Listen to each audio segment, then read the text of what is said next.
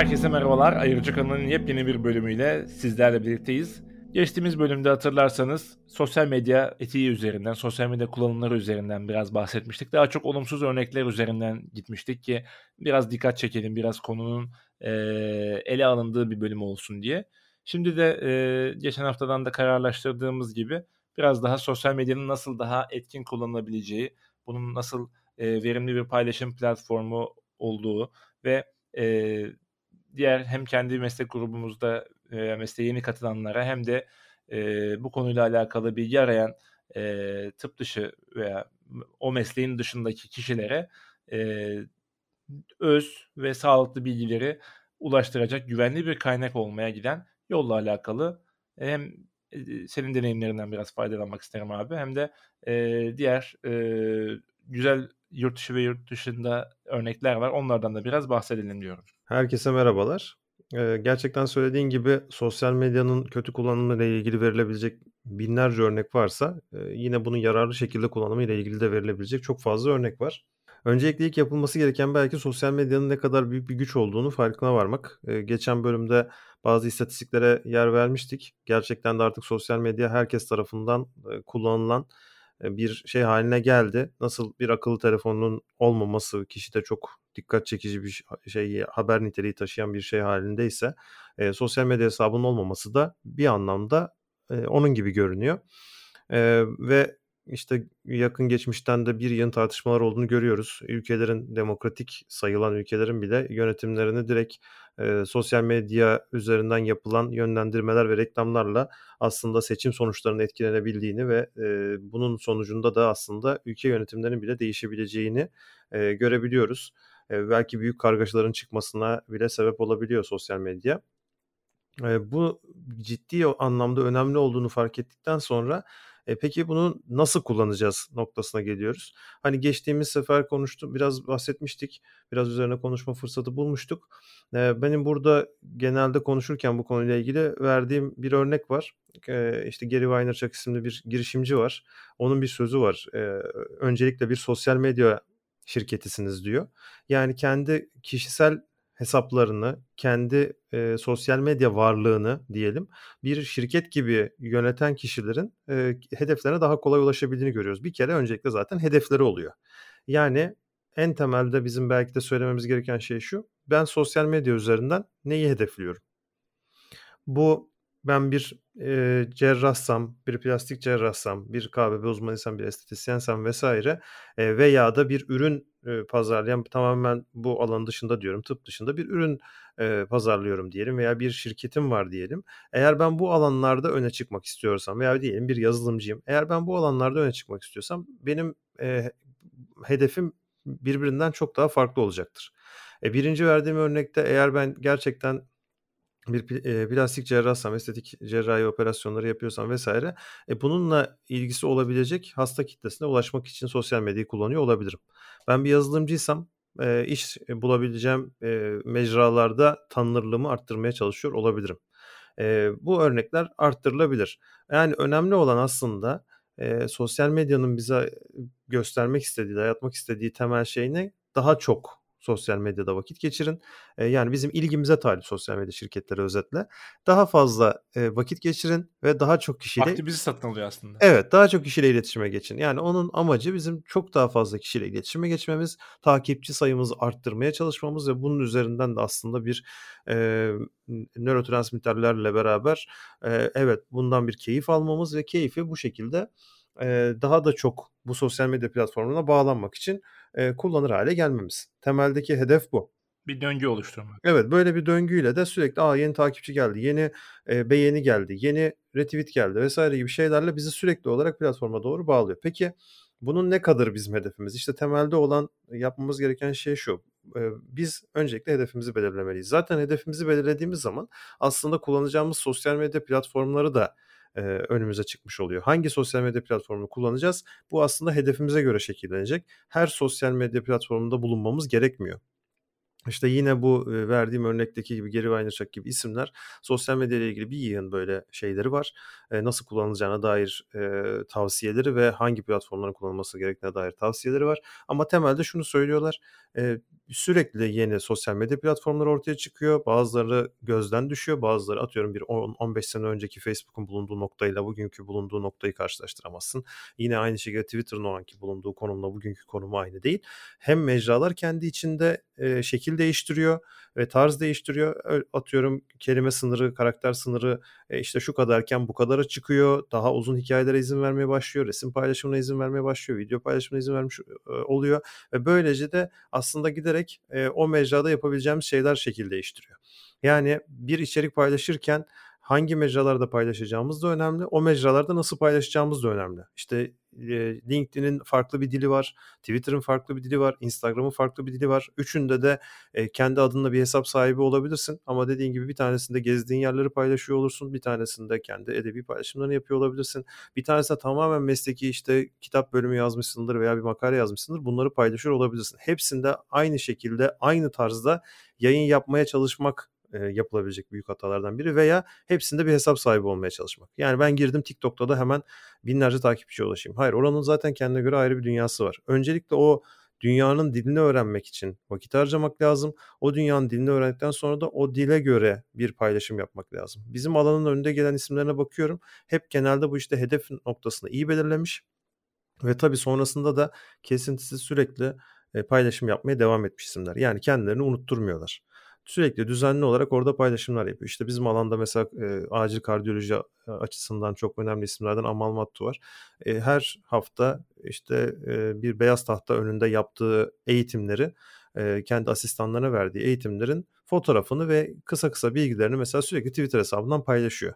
Ben biliyorum ki onun bulunduğu klinikte işte şu gün eğitim oluyor ve bu eğitimde tahtaya bu hafta bunları bunları yazmışlar. E bunları ne için paylaşıyor? Aslında işte bu tanınırlık ve marka değerini yüksek tutmak için paylaşıyor. Ve ben işte arkadaşlarımıza da veya seninle konuşurken de sık sık verdiğimiz hani örneklerden biz bu insanların ne kadar iyi klinisyenler olduğunu aslında bilmiyoruz. Yani bu alanın önde gelen saygın e, isimlerinin aslında mesleki becerilerinin ne kadar olduğu konusunda bir fikrimiz yok. Ama bak ne kadar önemli bir şey kazandıkları için, e, tanınırlık kazandıkları için ama bunu da değer kaybetmeden yaptıkları için bizim gözümüzde bu alanın çok önde gelen isimler arasına girmiş oluyorlar. Genelde de zaten bir klinisyenin temel hedefi aslında bu, bu olmuş oluyor. Yani bir tanınırlık ama iyi anlamda bir tanınırlık kazanmak. Evet yani dediğin gibi herhangi bir meslek erbabını biz e, teşviki mesai dediğimiz hani beraber bir e, iş yapmadan bir e, bilimsel çalışmaya katılmadan bir faaliyette veya bir toplantıda onları dinlemeden e, buna tam anlamıyla hakim olamayabiliriz. İş arkadaşlarıyla alakalı iletişimini vesaire biz bilemeyebiliriz. Birçok örnek de var böyle sosyal medyada çiçek böcek gibi yaşayıp özel hayatında veya iş hayatında berbat insanlar da çok fazla var. Yani şimdi baktığımız zaman e, bu noktada da hani bu bir turnusol da değil maalesef. E, her şekilde aslında insanlar zaten dışarıya vurdukları tiyatral yönleriyle tanınacaklar. Bunu önüne geçemeyeceğiz ama e, dediğim gibi o krediyi e, sosyal medyada giderken de insanları severdiği bir kredi oluyor illaki. E, o krediyi doğru harcamak lazım. Yani veya onun üzerine kazanmak, katmak lazım. Yani bir de o sizin düşüncenize mesela hani dediğim gibi önceki bölümde hani bu sizin bir tercihiniz olmayabilir. Siz e, meslekle alakalı zerre paylaşım yapmak istemeyebilirsiniz ve bunda çok haklı olabilirsiniz. Çünkü zaten yeterince stresli bir işiniz vardır. Artık daha fazla o meslekten konuşmak ya da paylaşmak istemiyor olabilirsiniz. Bunda da sonuna kadar haklı olabilirsiniz. Hobinizden paylaşırsınız. Özel paylaşımlar yapabilirsiniz. Bu farklı bir boyut. Ama meslekle alakalı noktalarda da mutlaka krediye dikkat etmek lazım. Sonuçta e, hiç bilmeyen birisi de o paylaşımları görecek. Bu işin çok iyi e, kompeten olan veya en azından profesyonel olan insanlar da bu paylaşımları görecek. E, ve ona göre de aslında sizi değerlendirecekler. Hem e, halk nezdinde hem de e, mesleki otoriteler ya da kendi meslektaşlarınız yani meslek örgütleriniz arasındaki e, kredinizin de aslında yavaş yavaş kaybetmeye başlıyorsunuz. İşte atıyorum sosyal medya doktoru oluyor veriyor adınız veya işte hani e, farklı bir magazinsel yöne çekilmeye başlanıyor. E bunlar e, tabii önceden işte televizyon doktorları vardı hala da var gerçi ama oradan da ne oldu? Kredi yavaş yavaş gitmeye başlıyor. Neden? Çünkü daha sansasyonel şeyler çıkartmanız bekleniyor sizden. Daha farklı içerikler çıkartmanız gerekiyor. Halbuki işte senin verdiğin örnekteki gibi Buna örnekte bir tane ben vereceğim. Mesela kendisi çok ileri düzey bir e, akademisyen değil. E, hani uzmanlığı çok ileri olduğuna da değil.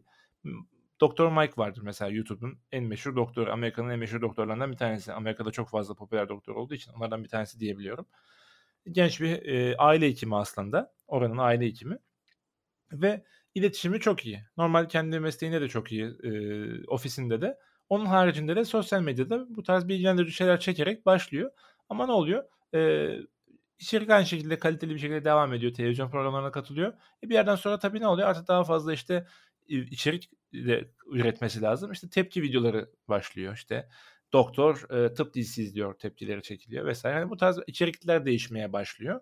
E, bir yerden sonra artık işte moda haberler neyse işte e, protein faydalı mı zararlı mı tartışmaları gibi artık bir yerden sonra bilimsel içerikten daha kopmaya başladığını görüyoruz.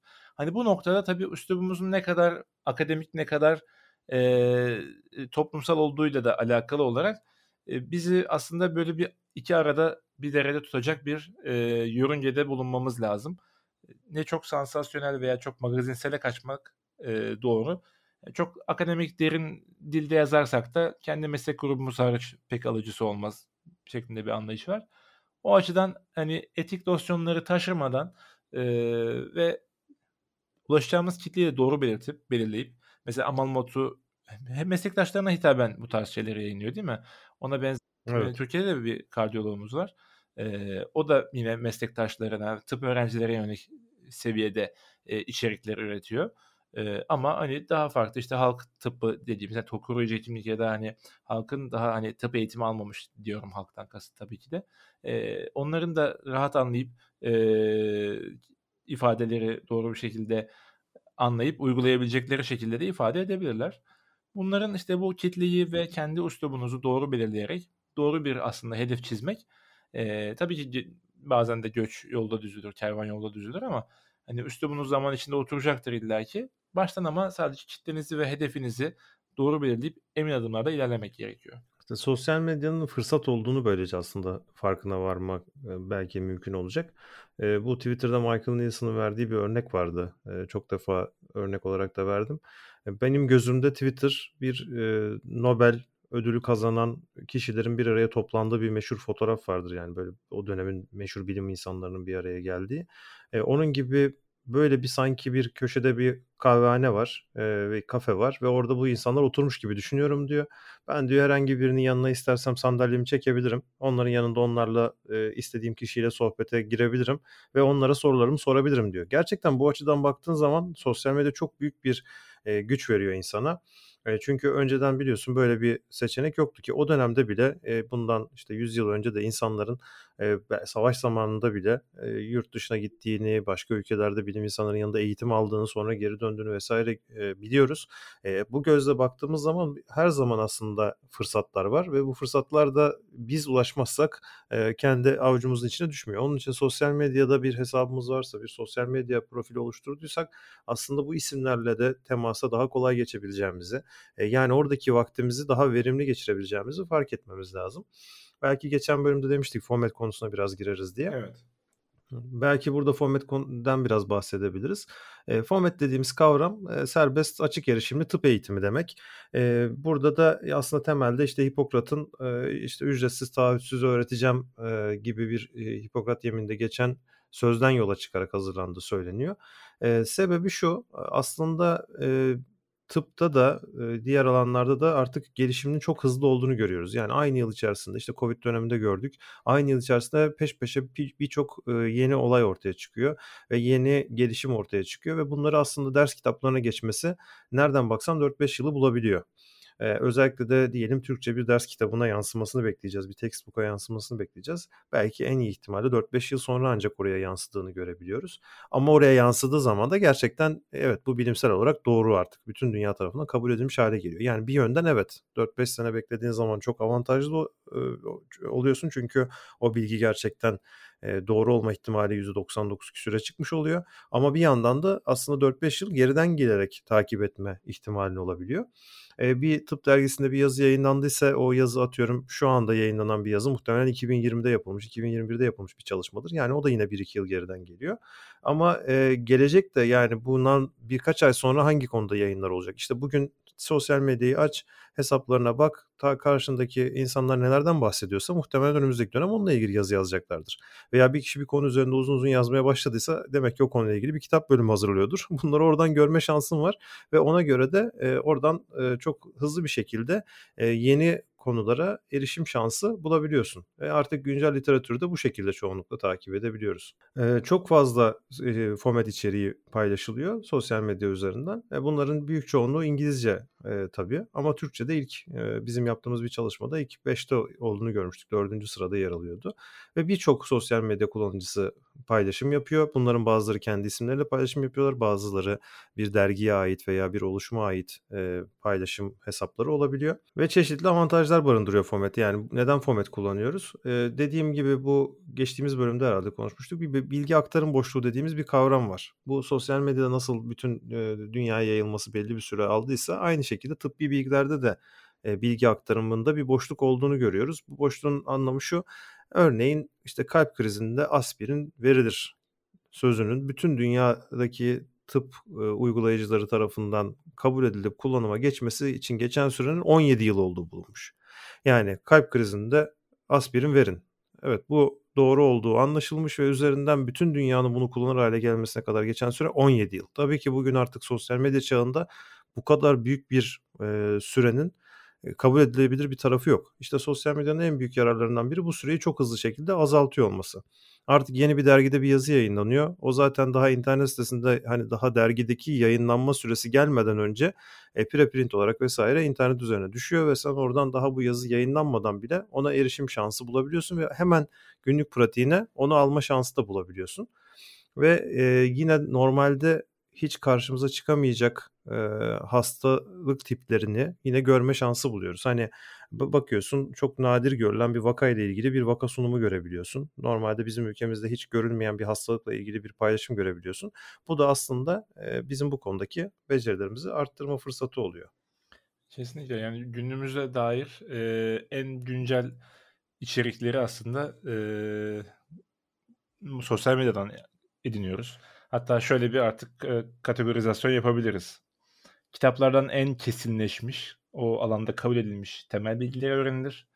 Dergilerde güncel, son birkaç yıla ait güncel çalışmaların e, tamamlanmış sonuçları olabilir. Ama bu çalışmaların çoğu işte ya 5 ya da 10 yıllık bir e, çalışma e, süresi içerdiği için yine aslında eski verilere dayanır.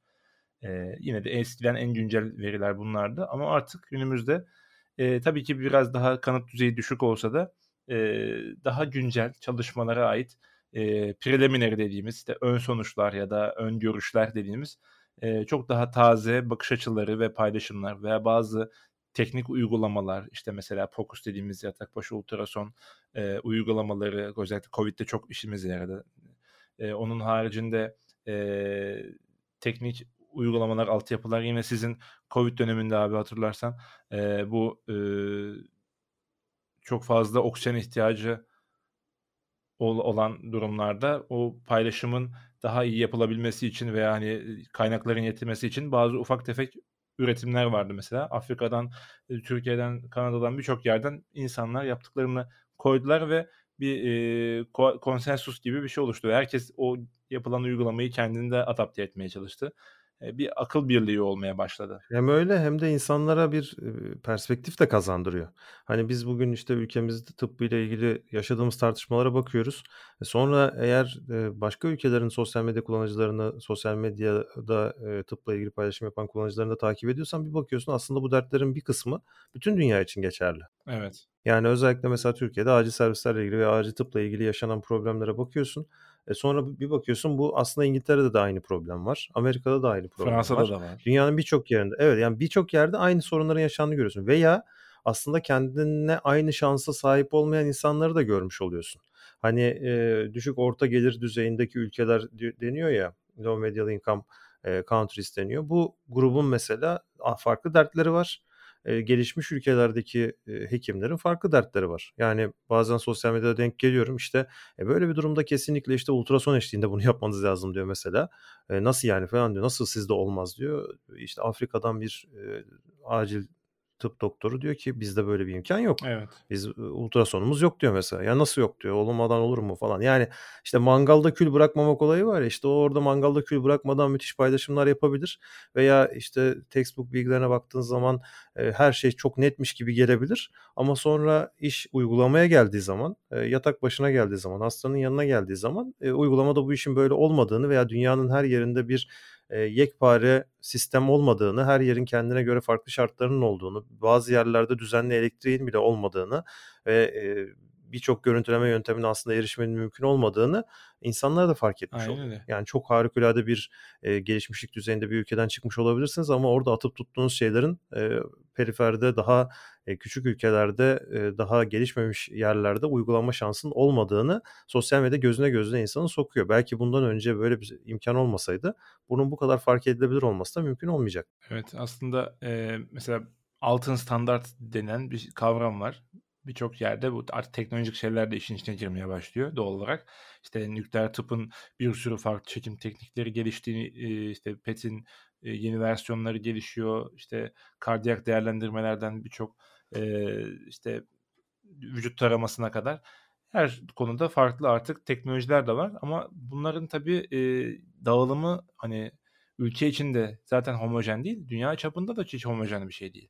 Yani bunlara erişimle alakalı zaten sıkıntılar varken yani bunların yokluğuna nasıl davranılması gerektiğini yine açıp textbook'tan bakamıyorsunuz.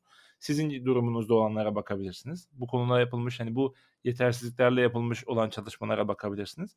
Tabii bu çalışmaların e, akademik karşılığı olmuyor. Yani e, PubMed'de PET CT yokken işte elimle muayene ettim gibi bir çalışma artık bu dönemde kabul edilmez ama aslında sahada birçok hekimin işine yarar. Kesinlikle. Orada da işte şu öne çıkıyor. Yani sadece akademik olarak e, ses getirecek çalışmalar aslında tıp eğitimine katkı sağlayan çalışmalar değil. Yani bundan ibaret değil. O zaman demek ki işte öğrenci yetiştirmekte, işte yatak başı hasta eğitimleri vermek de bunların hepsi aslında tıp eğitiminin bir parçası ve sadece çok büyük çalışmalar yapmak, çok nadir bulunan bir molekülün e, testte kullanılmasıyla bir hastalığın daha kolay tanıya gidilebiliyor olması gibi konularda çalışmalar yapmak çok değerli ve çığır açıcı olsa da bir yanda da aslında e, bunu asla kullanamayan milyonlarca veya milyarlarca insan olduğunu da e, fark edip onlara yönelik çalışmalara da e, bir yandan önem vermek gerekiyor. Yani tek başına bir tanesini yapmak aslında tıbbı tek başına ileriye taşımıyor. Çünkü tamamen e, topyekün sistem iyi olmadığı sürece bir kısmının çok gelişmiş olması ne yazık ki istenen sonucu elde etmemizi sağlamıyor. Bunu da bulaşıcı hastalıklar gibi yaygın hastalıkların olduğu dönemlerde daha da net anlayabiliyoruz. Yani sizin bir bölgede çok iyi sağlık hizmeti veriyor olmanız tek başına yeterli değil. Çünkü herkes birden hasta olduğunda bunların hepsine aynı hizmeti verme şansınızın olmadığını işte geçtiğimiz dönemde gördük. Onun için tıp eğitiminde ve tıbbın gelişimiyle ilgili de atılacak adımlarda sosyal medyanın da çok önemli bir yeri olduğunu söylemek mümkün. Eee, sosyal medyanın bazı dezavantajları var. İstersen kısaca onlardan da bahsedelim. Şimdi yani daha doğrusu tıp eğitiminde sosyal medya kullanımı ile ilgili bazı kısıtlılıklar var da diyebiliriz. Bir kere zaten alternatif değil. Yani sosyal medyadan tıp öğrenir öğrenilir mi? Tıp eğitiminde kullanılabilir mi? Tabii ki kullanılabilir ama tek başına yeterli değil. Bir hasta muayenesi nasıl yapılmalı? işte el hijyenine nasıl dikkat edilmeli gibi konularda genelde sosyal medya üzerinde pek bir paylaşım bulamıyoruz. Çünkü bunlar aslında zaten yatak başında hastanın yanında öğrenilecek şeyler. gene temel fizik muayene kurallarının sosyal medya üzerinde öğrenilmesi mümkün değil. Demek ki temelde bir temel tıp eğitiminin olması mutlaka gerekiyor. E, sosyal medyada her kafadan bir ses çıkıyor. Dediğim gibi ki o kişinin o alandaki uzmanlığını anlamamız mümkün değil. Kendini bir alanın uzmanı olarak e, lanse eden herkesin o alanın uzmanı olduğunu zannetme yanılgısına düşebiliriz. Ve genelde de bu konuda çok derin bir bilgi sahibi değilsen işte bu hani geçtiğimiz bölümlerde konuştuğumuz ChatGPT'de olduğu gibi e, temel konularda bu konuyla ilgili bilgisi olmayan kişileri yapay zekanın da kandırması kolay. O konuyla ilgili hemen bir yuvarlak bir şeyler söyleyebiliyor. Ama gerçekten o konunun uzmanı olan kişiler ancak e, bu farkı ayırt edebiliyorlar. Sosyal medya üzerinde de böyle. E, o konuyla ilgili aslında çok bilgisi varmış gibi atıp tutan konuşan insanların bir kısmının aslında e, o konuda bir uzmanlığı olmadığını veya e, o konuda aslında bir tane bile mesela hasta görmediğini e, anlamak ne yazık ki her zaman mümkün olmayabiliyor. E, yine tabii ki dergilerde olan o peer review, e, akran değerlendirmesi sürecinin olmaması da yine benzer şekilde çok e, önemli sorunlardan bir tanesi. E, yine içerikler normalde e, güncelde hani medyada veya e, tıp eğitiminde öncelikle belirli filtrelerden geçerek yayınlanmasına rağmen sosyal medyada tamamen e, kontrolsüz bir şekilde yayınlanıyor ve sonradan eğer filtreden geçecekse sonradan siliniyor veya değiştiriliyor.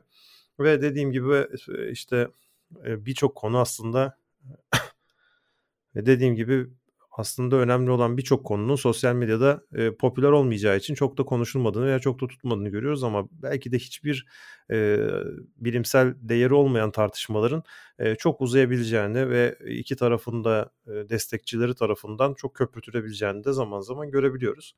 E biz ne yapabiliriz? E, bu konuda aslında Muhtemelen tıp fakültesinde dediğim gibi tıp fakültesi ve öncesinde e, mutlaka sosyal medya kullanımına dair bir eğitim olması gerektiğini de kendi adıma düşünüyorum. E, yine e, acil tıp uzmanlarından George Prozan'ın bir sözü vardı işte e, asistanlık eğitiminin ilk iki yılında sosyal medyadan hani format kullanmayın, sosyal medyadan tıp eğitimi kullanmayın. Önce bir temeliniz iyice otursun diye öğütlüyorum ben e, asistanlarıma diyordu. E, bugün için bunu yapmak bence mümkün değil e, yapmak çok da gerekli değil ama sosyal medyanın klasik tıp eğitiminin direkt e, karşılığı olmadığını ve ona destek olarak kullanılması gerektiğinde farkında olmak lazım. Onun dışında tabii her zaman sosyal medya kullanıcılarının karşısına bir yeni troller çıkabiliyor. E, trolleri çok da hesaba katmamak lazım, dinlememek lazım. E, siz uygun gördüğünüz içeriği doğru şekilde e, etik kurallar çerçevesinde paylaşmaya devam ettiğiniz sürece de e, yararı zararından daha çok olacaktır diye düşünüyorum.